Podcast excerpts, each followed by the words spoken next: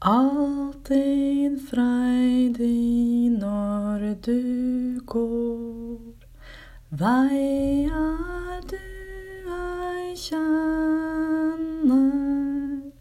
Selv om du ved målet står, først ved verdens ende.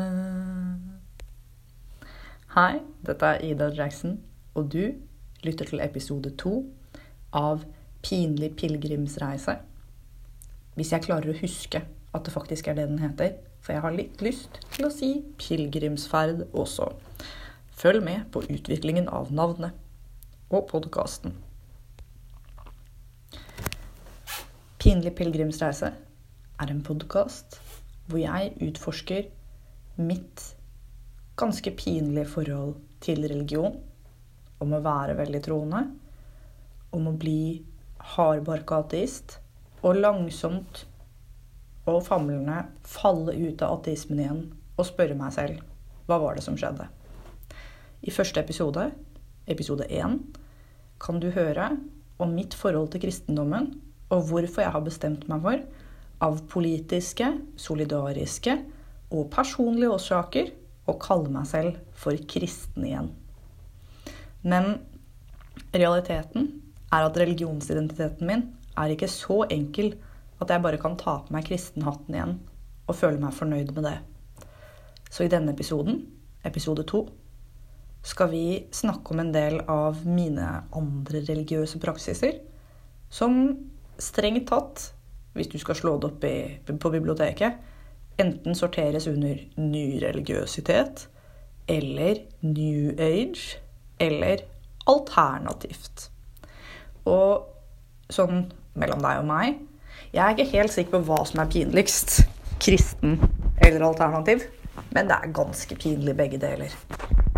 Det ene er litt sånn vafler og Kristelig Folkeparti og være litt for blid. Og det andre er å ha litt for mye lilla skjerf og bruke litt for mye røkelse. Nå er det sånn at jeg er jo veldig glad i både lilla og røkelse og vafler. Jeg har riktignok aldri stemt Kristelig Folkeparti. Selv om da jeg var barn og vi skulle leke politikk på skolen, var det det partiet jeg valgte meg, fordi jeg selvfølgelig var veldig kristen og skulle bli prest. Men til slutt fikk jeg meg i hvert fall min egen podkast hvor jeg kan preke, så det er jo en slags Altså preke er jo også da prate på Fredrikstad, der jeg kommer fra. Men dagens alltid freidige tema, som også er dagens salme, det handler da spesifikt om meg og tarotkortene mine. Fordi da jeg kom i puberteten, gikk jeg fra å være intenst troende til å bli intenst troende og søkende. Og det er flere grunner til dette, men en av grunnene var at jeg var veldig, veldig, veldig intenst og dypt og erotisk og platonsk og lidenskapelig forelsket i min beste venninne, som het Lise Kristine. Og problemet med å være hemmelig forelsket i Lise Kristine og slå opp i Bibelen for å se hva Paulus syns.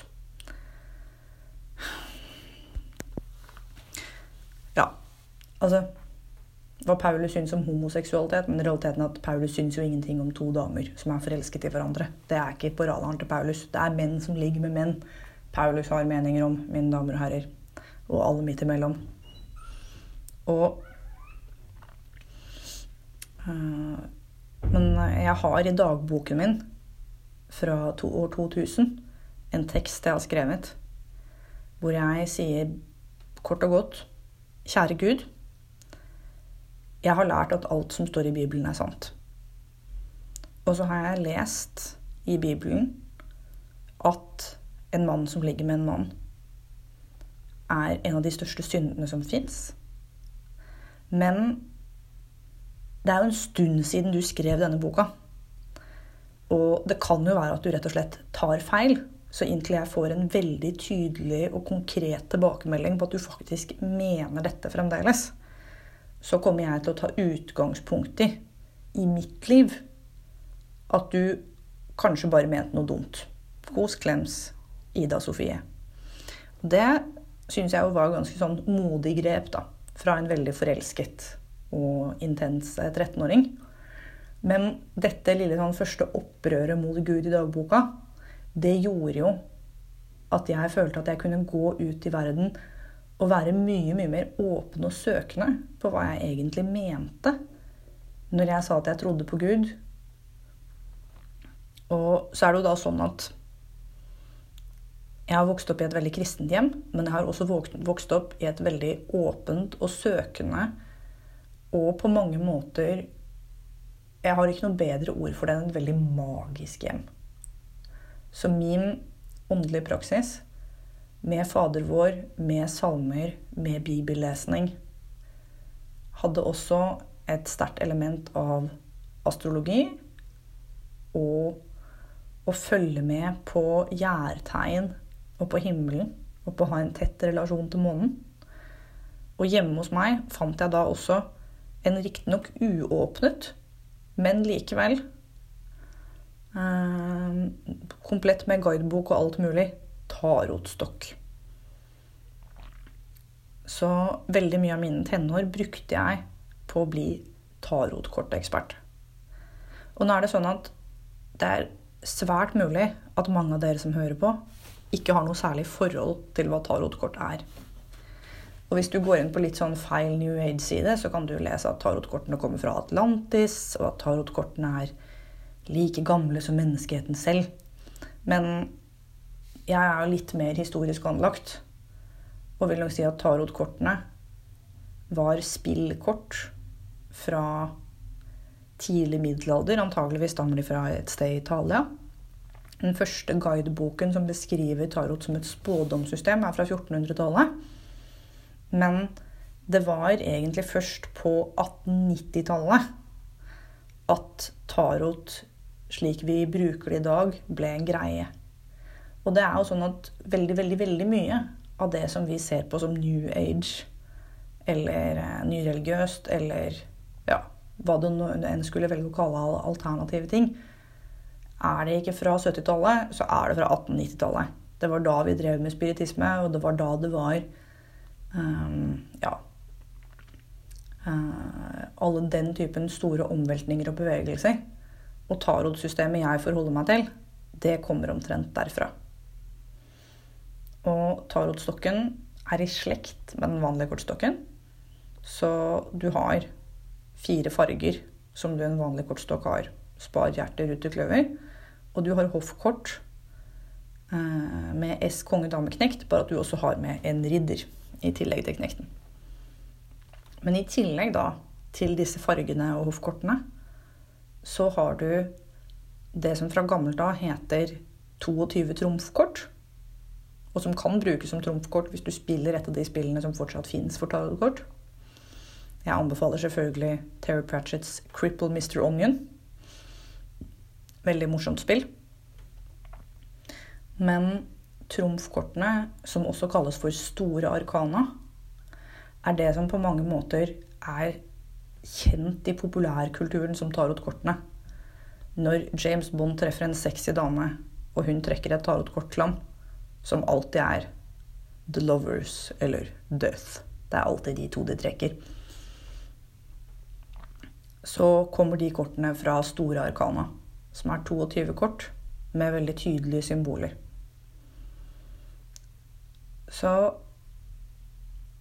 det som er, da Jeg startet denne podkastinnspillingen med å trekke noen tarotkort for meg selv.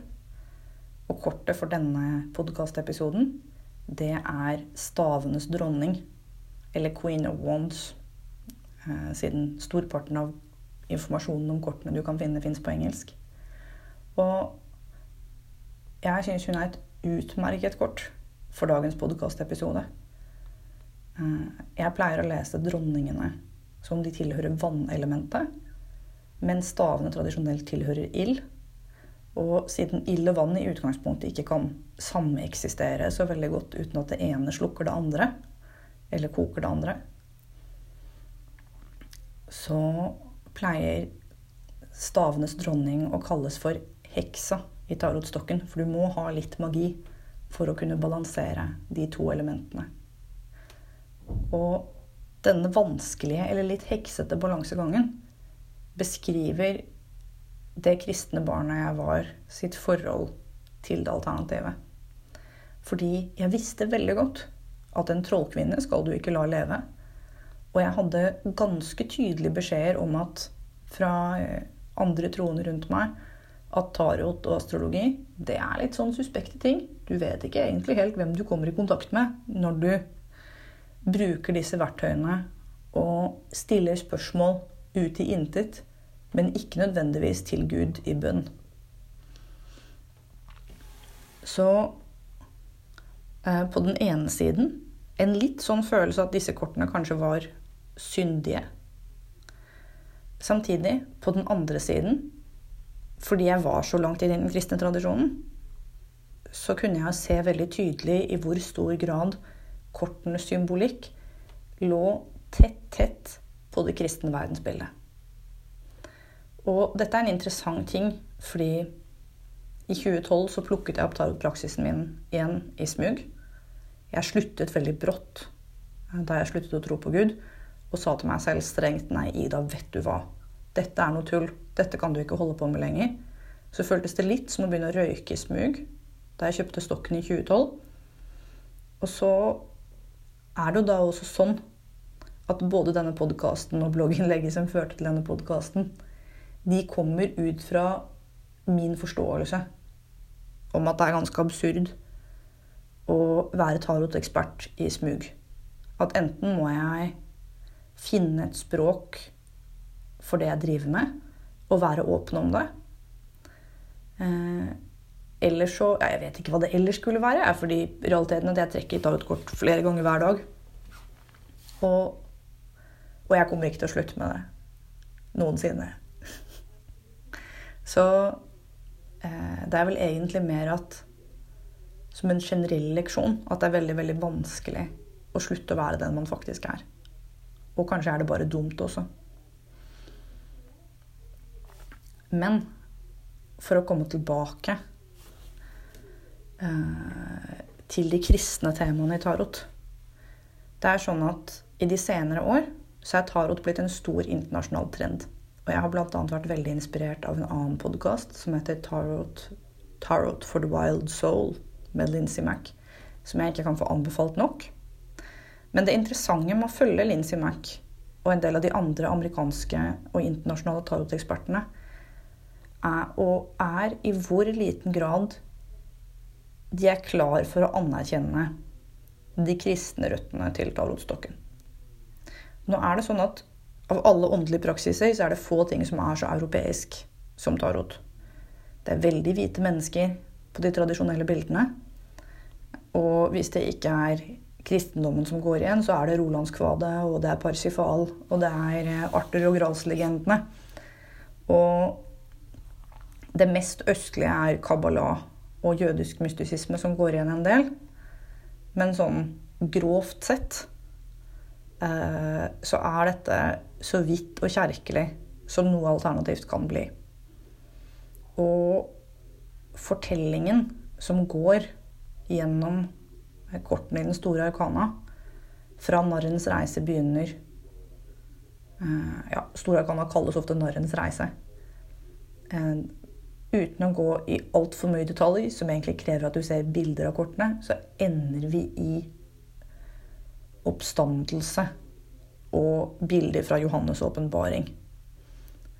Så for meg så er det ganske opplagt at kort hvor du har flyvende duer med olivengrener i munnen. Adam og Eva i Edens hage. Og eh, ja Ikke minst engler som blåser i basun, og døde mennesker som reiser seg fra kistene sine igjen. At vi er i en tradisjon hvor kristendommen er en sentral, sentral del av symbolverket. Og det som er, da, er at alle disse tarotpodkastene jeg har hørt på, de er drevet av hvite angloamerikanere, europeere som definitivt kommer fra en kristen tradisjon, og hvor dermed ubehaget med å si noe som helst med kristendommen å gjøre, er utrolig sterkt. Så jeg har ikke noe godt svar på hvorfor vi har en sånn berøringsangst med den kristne tradisjonen vår, annet enn at det er veldig pinlig og kleint. Så det er et av utforskningsspørsmålene denne podkastserien handler om. Nå er det sånn at i min prosess eh, med tarotkort så brukte jeg jo som unnskyldning for meg selv at dette er et verktøy som handler om narrativer og fortellinger og arketyper, og at jeg som skjønnlitterær og faglitterær forfatter jo burde få lov til å jobbe så mye jeg vil med narrative arketyper i min skriveprosess. Og det var også min skriveprosess og min kreative prosess som tillot meg selv å begynne å se på forholdet mitt til ord som Gud og kristendommen som tradisjon. Og her skal jeg komme med en konkret bokanbefaling for alle som sitter fast i sitt skrivende liv. Og det er Julian Camerons 'The Artist's Way'. Og dette er ikke en, en bok for alle. Og det er en bok som, når jeg har gitt den til folk, jevnt over provoserer dem utrolig mye. Og første gangen jeg leste den, så ble jeg så sint og så frustrert. Og likevel er det også da blitt en av de bøkene som har preget meg mest. Fordi Julia Cameron sier at når vi som kreative mennesker finner opp ting som ikke er der fra før, tråkker vi ut i det ukjente og er i en åndelig prosess, enten vi vil eller ei. Og når vi står fast, så er det, særlig for oss hvite protestanter i Vesten, veldig, veldig ofte gamle fortellinger om en gud som ikke syns noe om at vi driver med sånt kreativt fjas, som er en del av blokkeringen vår. Og som Cameron sier, det hjelper ikke at du sier til deg selv at du ikke tror på Gud, hvis du innerst inne tror på en veldig streng og hardtarbeidende, pliktmoralsk, protestantisk gud, som ikke syns at du skulle sitte her og tulle så mye i notatboka di. Så hennes tese er at de aller, aller fleste, uavhengig av religiøs bakgrunn, trenger å ta et opprør og et oppgjør med den strenge foreldreguden som bor inni dem. Og at gudsbegrepet vårt trenger en overhaling. Så i i prosessen med å innse at håndverket mitt som forfatter er å jobbe med det usynlige og det intuitive og ting som er veldig, veldig vanskelig å måle og veie og etterprøve. Og at det til syvende og sist er en indre prosess. Så var jeg også nødt til å se veldig, veldig nøye på mine egne ja, skjulte indre ideer. Og eh, da er det sånn at selve ideen om at jeg skulle være syndig, og at det skulle være noe galt med meg, den var veldig, veldig mye vanskeligere å bli kvitt enn ideen om at den selvsamme guden også kunne frelse meg. Så på et visst sånn underbevisst nivå så føltes litt det å bli ateist som å bare gi opp frelsen og leve med å være veldig, veldig syndig. Og jeg er klar over at jeg i forrige episode snakket om gleden ved å slutte å tenke på seg selv som veldig syndig. Men dette er nettopp en podkast om de vanskelige dobbelthetene og gråsonene. Sånn at man på den ene siden kan si så deilig å ikke være syndig, og på den andre siden kan føle dypest, at dypest, dypest sett eh, så er man nok rett og slett bare veldig syndig kjød. Og grunnen til at jeg snakker om tarotkortene, både som katalysator for denne prosessen, men også som verktøy, er at de har vært det beste verktøyet jeg har for å ha en samtale med alle delene av meg selv. Og jeg skulle ønske at jeg var som Terry Pratchett's Granny Weatherbacks, som aldri skjønner hvorfor noen skulle gå ut og find themselves. Fordi når Granny lukker øynene, så vet hun utmerket godt hvem hun er, og hvor hun er. Men jeg er mer fragmentert. Og altså, helt ærlig, helt klinisk, med liksom min bakgrunn i rus og psykiatri, mer dissosiert og litt mer rar. Så for meg, i min samtale med meg, hjelper det veldig godt å ha et gammelt og etablert symbolsystem som megler i midten. Og det er det tarotkortene er for meg. Og det er derfor jeg da vender tilbake her til å gå ut i verden alltid freidig sammen med stavenes dronning. Og si dette er en podkast om forholdet mitt til kristendommen. Men det er også en podkast om forholdet mitt til alt som har tytt ut av kristendommen og ikke passet helt inn der, og er litt rart og er litt vilt og er litt alternativt og er litt lilla kjerringaktig og usexy og ukult og heksete. Og det tror jeg var alt for denne gang. Hvis du har noen spørsmål eller tilbakemeldinger eller ting du har lyst til at jeg skal snakke om på denne podkasten, så kan du skrive en e-post til Ida alfakrøll Ida Jackson. Det er jackson.no. Eller hvis du har lyst på enda mer tarotkort i ditt liv, så kan du følge alfakrøll tarot nederstrek Ida på Instagram. Der deler jeg et nytt tarotkort hver dag om dagen. Jeg er på et litt sånn intenst tarotsted i min lille hemmelige tarotklubb. Eller du kan finne nyhetsbrev og andre tekster jeg har skrevet, på idajackson.no. Altså J-A-C-K-S-O-N. Ida får du til. Ok. Tusen takk for at du hørte på. Velkommen tilbake neste uke. Takk for meg.